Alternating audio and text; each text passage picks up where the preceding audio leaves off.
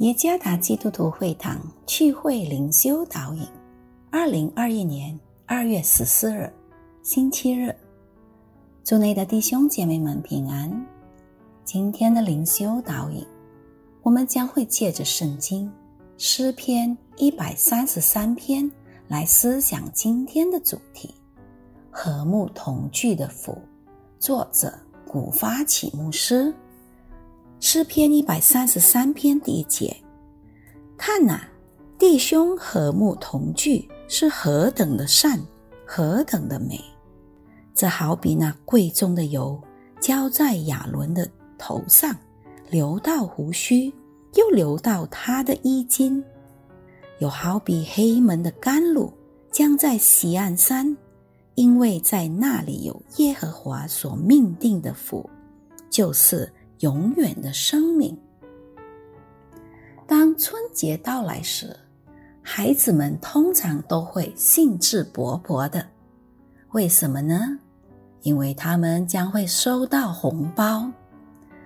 其实他们根本不介意红包里装着多少钱，最重要的是得到红包。如果他们能得到更多，那么他们会更高兴的。孩子们觉得他们能从红包里得到喜乐的祝福。问题是，有谁得到了祝福会不喜乐的呢？我想，我们所有的人都会感到万分喜乐的。诗篇一百三十三篇讲述关于福，第三节下半段讲述上帝所命定的祝福。那是什么祝福呢？当然，不只是在身体上的祝福，但更重要的是在每个社区，包括家庭里的幸福、喜乐与安宁的祝福。一个美满幸福的家庭，就好像那样。诗人将其描述为那贵重的油和甘露。每个家庭最大的渴望，不是拥有多少财富。而是经历到真正的美满幸福，如何能实现呢？也就是说，如果家庭里能和睦相处，一个和睦的家庭里总是充满着幸福、喜乐与安宁。如何能生活和睦呢？唯有当耶稣在每个家庭中居住和掌权时，才能实现。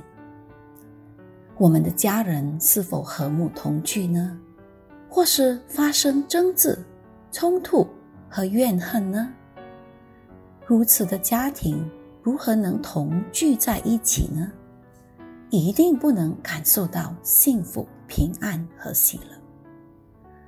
倘若这些发生在我们家中，赶紧邀请基督进入我们的家庭吧。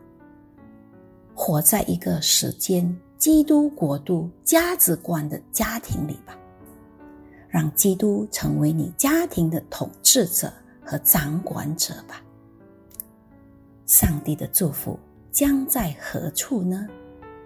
就是将在一个和睦同居的家庭里，因为基督在那儿统治。